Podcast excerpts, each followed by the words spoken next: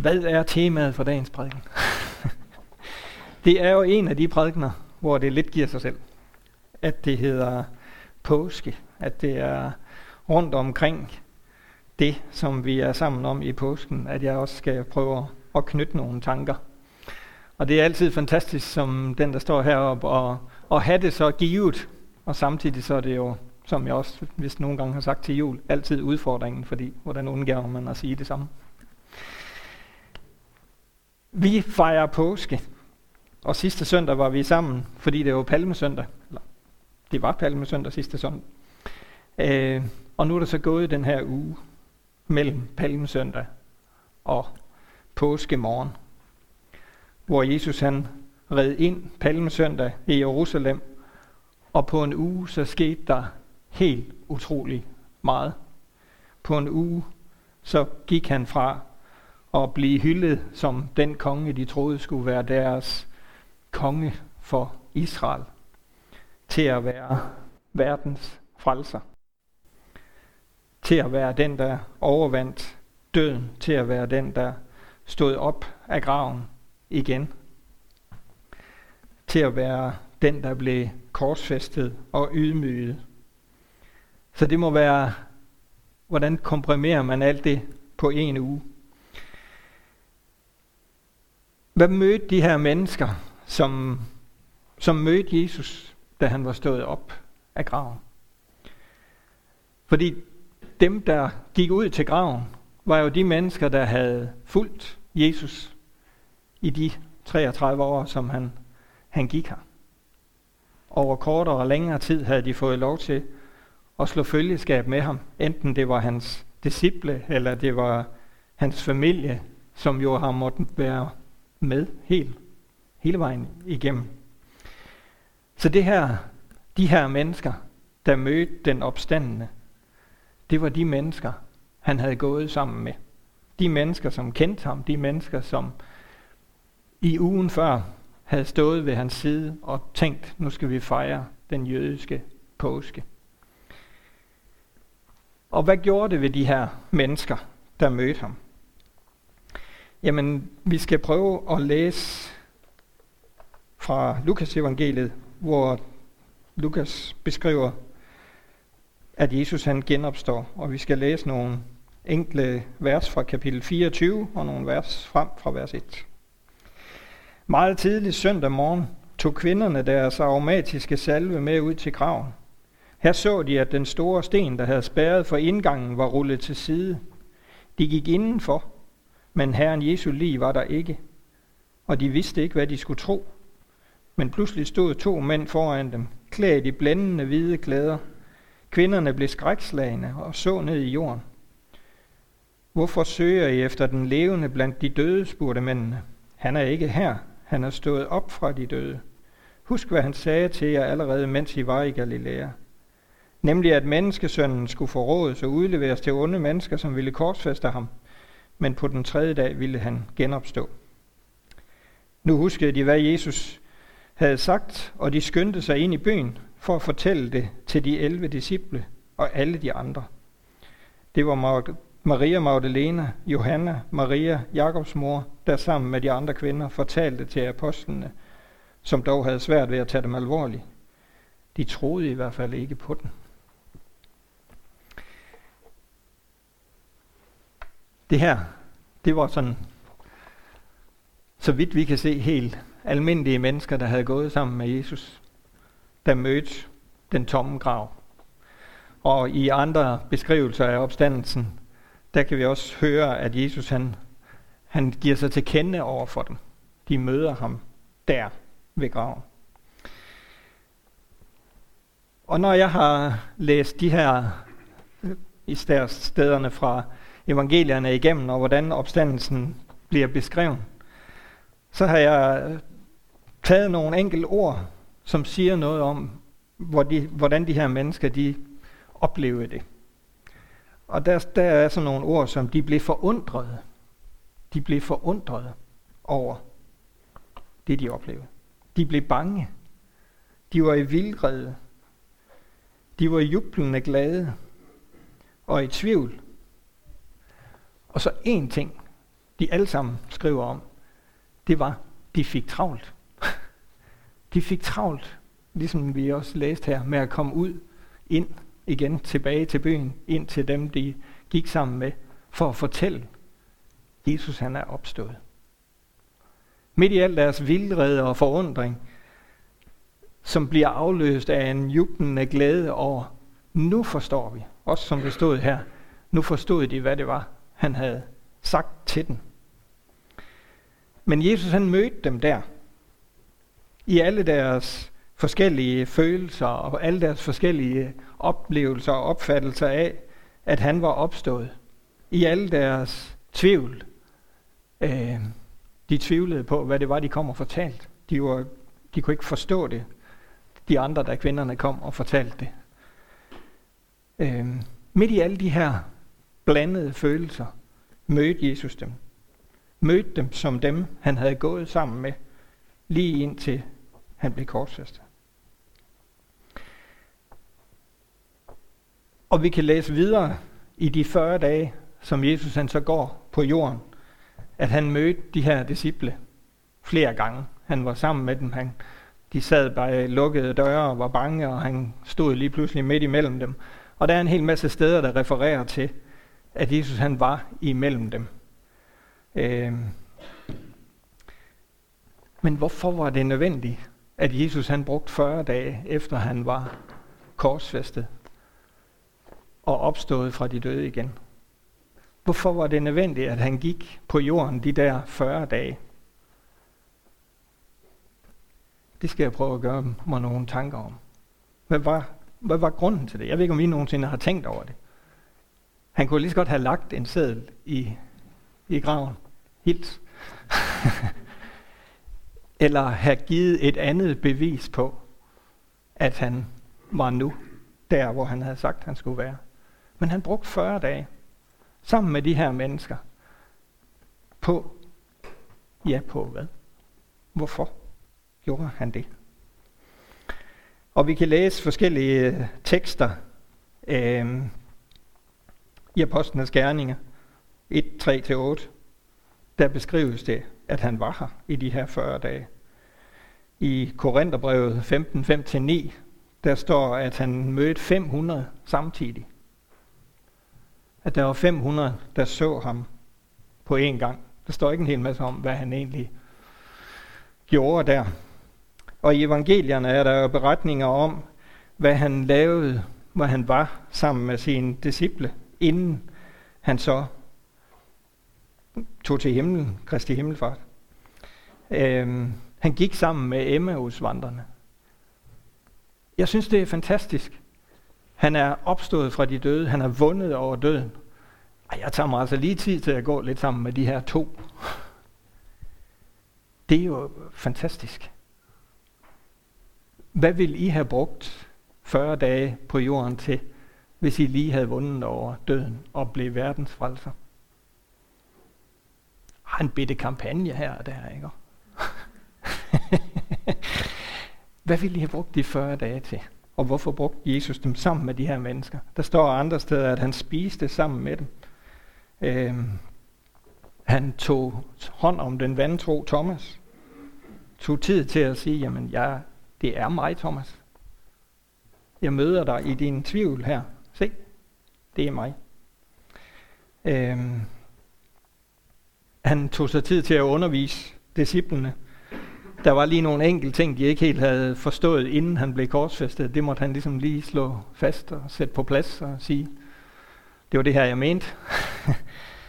det brugte han også tiden på. Og så brugte han også tiden på at give os missionsbefalingen.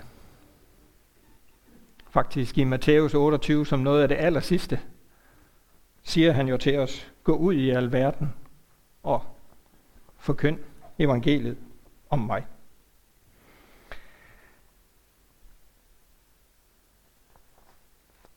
Jeg kan undre mig over hans prioriteringer. Var det virkelig den mest effektive måde at bruge 40 dage på at få budskabet om verdens frelser ud?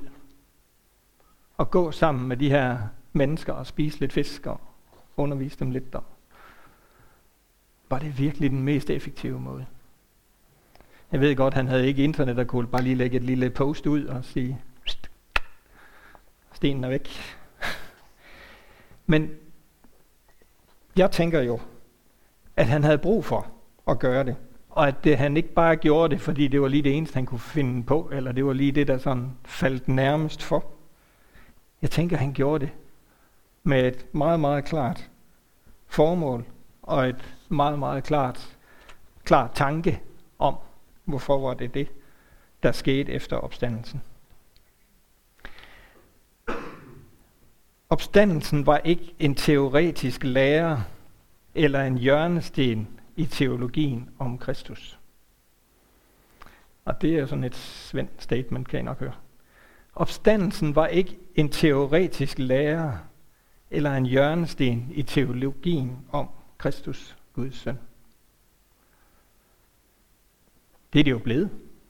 Det er det, vi bygger hele vores tro på. Paulus siger, hvis ikke opstandelsen er rigtig, så falder min tro sammen. Så er der ikke nogen tro. Men det var ikke det, Jesus han gjorde den til. Fordi så skulle han have lagt en lille bog i graven. Hvordan leve et lykkeligt liv, eller hvad nu den kunne have heddet. Hvordan leve i fællesskab med Gud. Så havde det været en teoretisk lære, en hjørnesten, vi kunne gå hen og tage fat i. Han lå jo faktisk ikke Bibelen der på, øh, hvad nu man ligger på i sådan en, en gravhule. Øh, nej, opstandelsen fandt sted i relation til mennesker, der gik sammen med Jesus. Opstandelsen fandt sted i relation til mennesker, der gik sammen med Jesus. Og Bibelen tager jo faktisk tid til at beskrive de her mennesker, deres oplevelse af at møde den opstandende, som jeg var inde på lige før. Og faktisk er der jo mere om de her mennesker og deres møde med Jesus i de her 40 dage, end der er om, hvad Jesus han selv ville have lært dem. Der er mere om mødet imellem menneskene og Jesus, end der er om, hvad Jesus han prædikede i de her dage, eller hvad han gjorde. Alt sammen tager udgangspunkt i, Emmaus vandrene, han går sammen med dem, der han sidder og spiser sammen med, relationen til de her mennesker. Han kom ikke som budbringer af et budskab, der bestod af ord alene. Han kom for at give dig og mig en relation til ham, som budskabet handler om. Og det gjorde han også til de her mennesker. Han var godt klar over, at hvis budskabet om frelsen i Kristus skulle ud og blive troværdig, så var de mennesker, der bar det videre, nødt til at bære det i hjertet, nødt til at bære relationen til Jesus i hjertet. Det kunne ikke blive borgen videre af en simpel lære om et eller andet. Det var relationen med frelseren selv, der var nødvendig og derfor tror jeg, at han brugte så meget tid på at være i den her relation med de her mennesker, mellem han opstod og han tog til op til sin fars højre hånd igen. Markus evangeliet slutter faktisk med i den her beretning om opstandelsen at sige, at han havde sagt det, han ville. Og så tog han tilbage og satte sig ved Guds højre hånd. Det står i den sidste del af, af Markus evangeliet. Han Da han havde vidshed om, at de havde forstået relationen mellem dem selv og ham, så kunne han tage tilbage. Så kunne han sætte sig ved Guds højre hånd.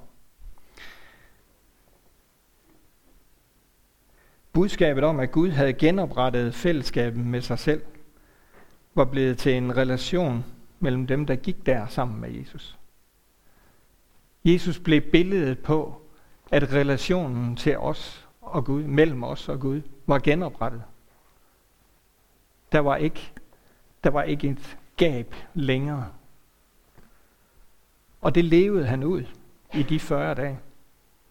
Selvom han nu ikke skulle være her længere, så byggede det på relationen imellem ham og disciplene og dem, som skulle tage det videre. Og så sagde jeg før, at han øh, sluttede i Matteus evangeliet, eller Matteus evangeliet slutter med missionsbefalingen. Nemlig at vi skulle gå ud i alverden og så videre. Jesus han gav budskabet videre i en relation til de mennesker, der var omkring ham.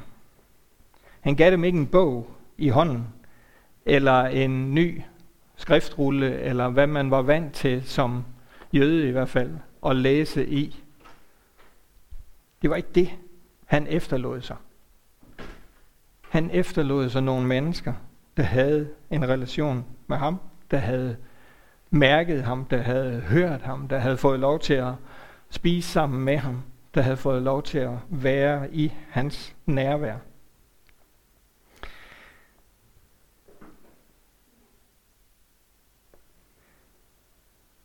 Men ville det faktisk ikke have været dejligt, hvis der havde lagt sådan en lille bog der,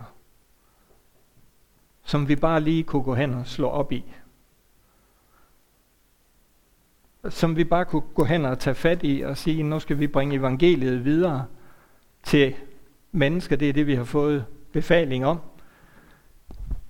Det er nemt. Kopi af, pst, skal du bare se. Det er det her. Job done. Men sådan var det jo bare ikke. Og jeg tænker, når vi kæmper med, eller tænker på, eller har helt vildt lyst til at bringe evangeliet videre, hvor kan vi så finde et forbillede til at gøre det? Jamen det kan vi måske finde lige præcis i de her 40 dage, Jesus han gik sammen med de mennesker, han nu mødte. Om det var Emmaus vandrene, eller det var dem, der var ude og fisk, han sad og spiste med, eller det var de 500, han mødte på én gang, og hvad nu end han, han gjorde sammen med dem.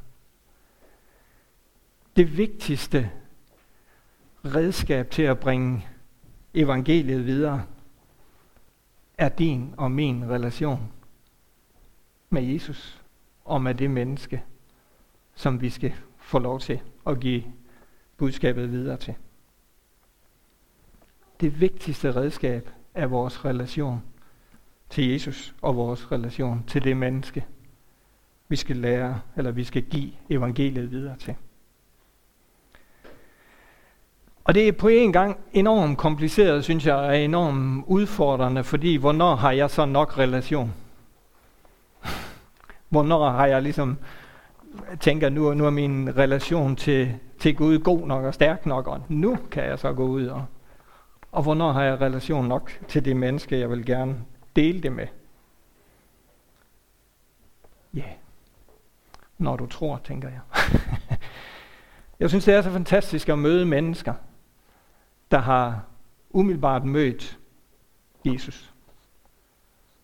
Og så mærk den der begejstring for den relation, de nu har fået. Uden alle lagene af, hvornår ved jeg nok, hvornår har jeg ligesom styr nok på min grundlæggende eskatologi, nej, teologi, hvornår har jeg læst nok. Det bygger udelukkende på, wow, jeg har fundet en relation til ham og den vil jeg gerne dele med andre. Så vi må leve vores tro ud. Vi må leve den relation ud mellem mennesker. Ved at ordet ikke bare skal forklares, ved at opstandelsen ikke bare skal forklares, forklares som I kan nok se, det kunne godt lade sig gøre, men leves ud. Og måske er det langt sværere at fortælle et budskab, som vi med vores hjerne har forstået. Øh, når jeg mærker et menneske, jeg står overfor, som fortæller mig noget, der rører det, fortæller mig noget, som jeg kan mærke, det menneske er ramt af, er fyldt af, er begejstret for, jamen så lytter jeg så lytter jeg. fordi det siger mig noget. Der var nogle af jer, der var i, i kirke her i søndags og oplevede Holger, der fortalte bare om sit liv med Gud. Og jeg har afklaret det med Holger, og vi ved godt, hvordan vi hver især fortæller ting. Holger han fortalte fuldstændig upoleret om, hvad han oplevede med Gud. Og jeg er helt sikker på, det. det ramte i hvert fald mig, og det ramte helt sikkert også andre. Og teoretisk set, og sådan fra et opbygnings prædikenmæssig tilgang til det, så kunne jeg stille rigtig mange spørgsmål. Men jeg kunne mærke Gud. Jeg kunne mærke relationen Holger og Gud imellem. Og det er altså ikke den Holger, der sidder dernede, hvis nu der skulle være nogen, der er i tvivl. Vi er så velsignede, at der er to Holger. Men det, det, det var i hvert fald for mig sådan fantastisk befriende at mærke den der relation, som bare kom til udtryk på den måde.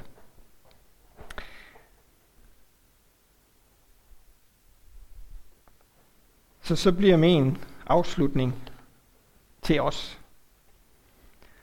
Tør vi gå ind i den her relation?